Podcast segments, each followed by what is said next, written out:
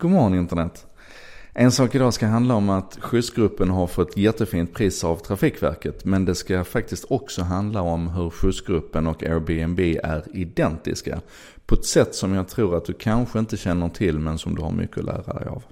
Men vi börjar med skjutsgruppen. De har alltså fått fint pris nu från Trafikverket. Eh, eller rättare sagt deras grundare skulle jag säga, Mattias Jägerskog, har blivit utsedd till eh, årets miljöinnovatör. Det är ett nytt pris som Trafikverket delade ut för första gången här nu i år.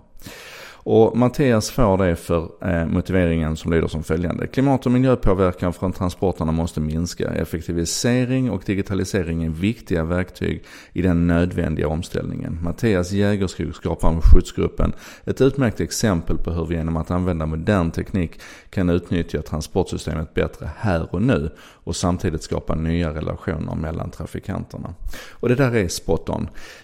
Så här, lite siffror bara om skjutsgruppen. Alltså vad de gör är att de sedan 2007 när Mattias fick en idé i huvudet har mäklat ihop människor som, som behöver komma någonstans med människor som har lite plats över i bilen. Eh, när mina föräldrar var unga så pratade man om lifta.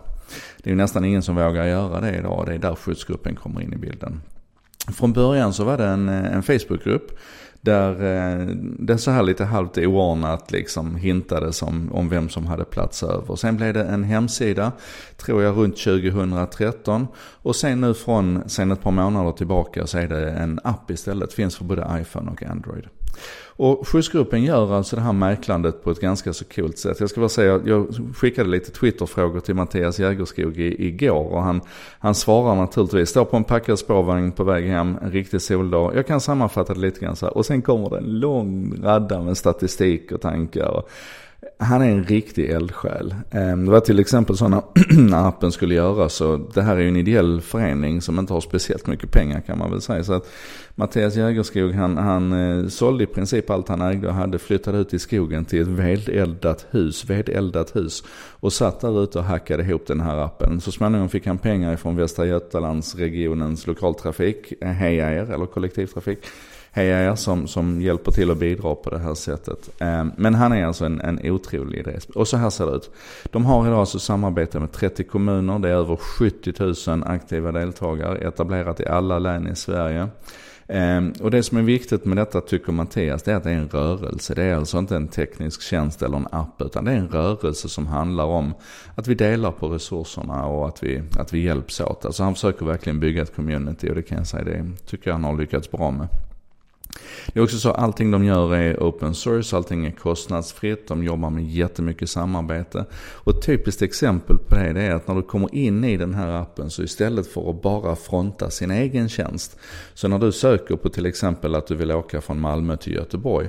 Så börjar de att presentera kollektivtrafiksresultaten först och sen så kommer då eventuella skjutsar nedan. Om det inte är en exakt match. Så att där ligger en, en skjuts överst och så kommer kollektivtrafiken och sen lite mer fuzzy search. Alltså det är så briljant tycker jag att plocka in kollektivtrafikens resultat i det här också istället för att liksom snålt hålla om sitt eget. I appen finns det också grupper, det finns över 500 grupper här nu. Ehm, ja, 2014 så gjorde de en, en, en sån här liten rolig studie där de tittade på hur många kilometer de hade liksom mäklat ihop. Och då blev det 40 varv runt jorden som de hade sett till att folk kunde skjutsas ihop och så. Det är jättehärligt i alla fall. Men det som jag tycker är spännande i detta då, framförallt och kopplingen till Airbnb, det är att Mattias säger att det de löste, det var framförallt inte ett, ett tekniskt behov av det här, utan det de förstod det var att vi behöver trust. Ni kommer ihåg de här som liftade en gång i tiden då? Det är inte många som vågar göra det idag, rätt eller fel, men otryggheten upplevs större så man vågar inte lyfta. Och i det här systemet i skyddsgruppen så har man tagit fasta på det här med trust och tillit och förtroende och trygghet.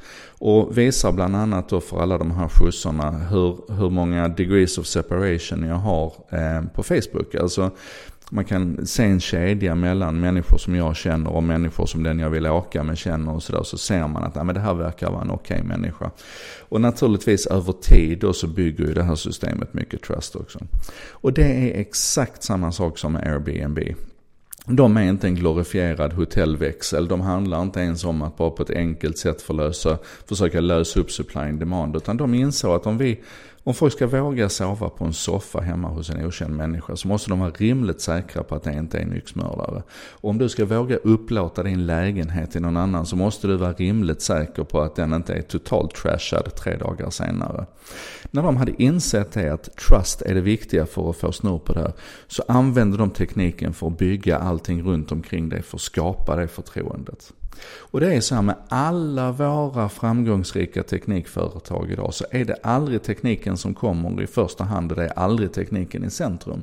Utan man har ett mänskligt behov eller en drivkraft i centrum och sen använder man tekniken för att, att möjliggöra det. Tekniken, internet, är en möjliggörare. Ju förr vi fattar det och börjar bygga på riktigt runt det, ju förr kommer vi vara mer framgångsrika. Så. Det här var en sak idag om skyddsgruppen och Airbnb och förtroende och viktiga grejer. Det kommer mer sånt imorgon. Jag heter Joakim Jardenberg, jag har gjort det här. Tack för att du hänger med en sak idag. Dela, kommentera och eh, så ses vi imorgon. Tisdag imorgon.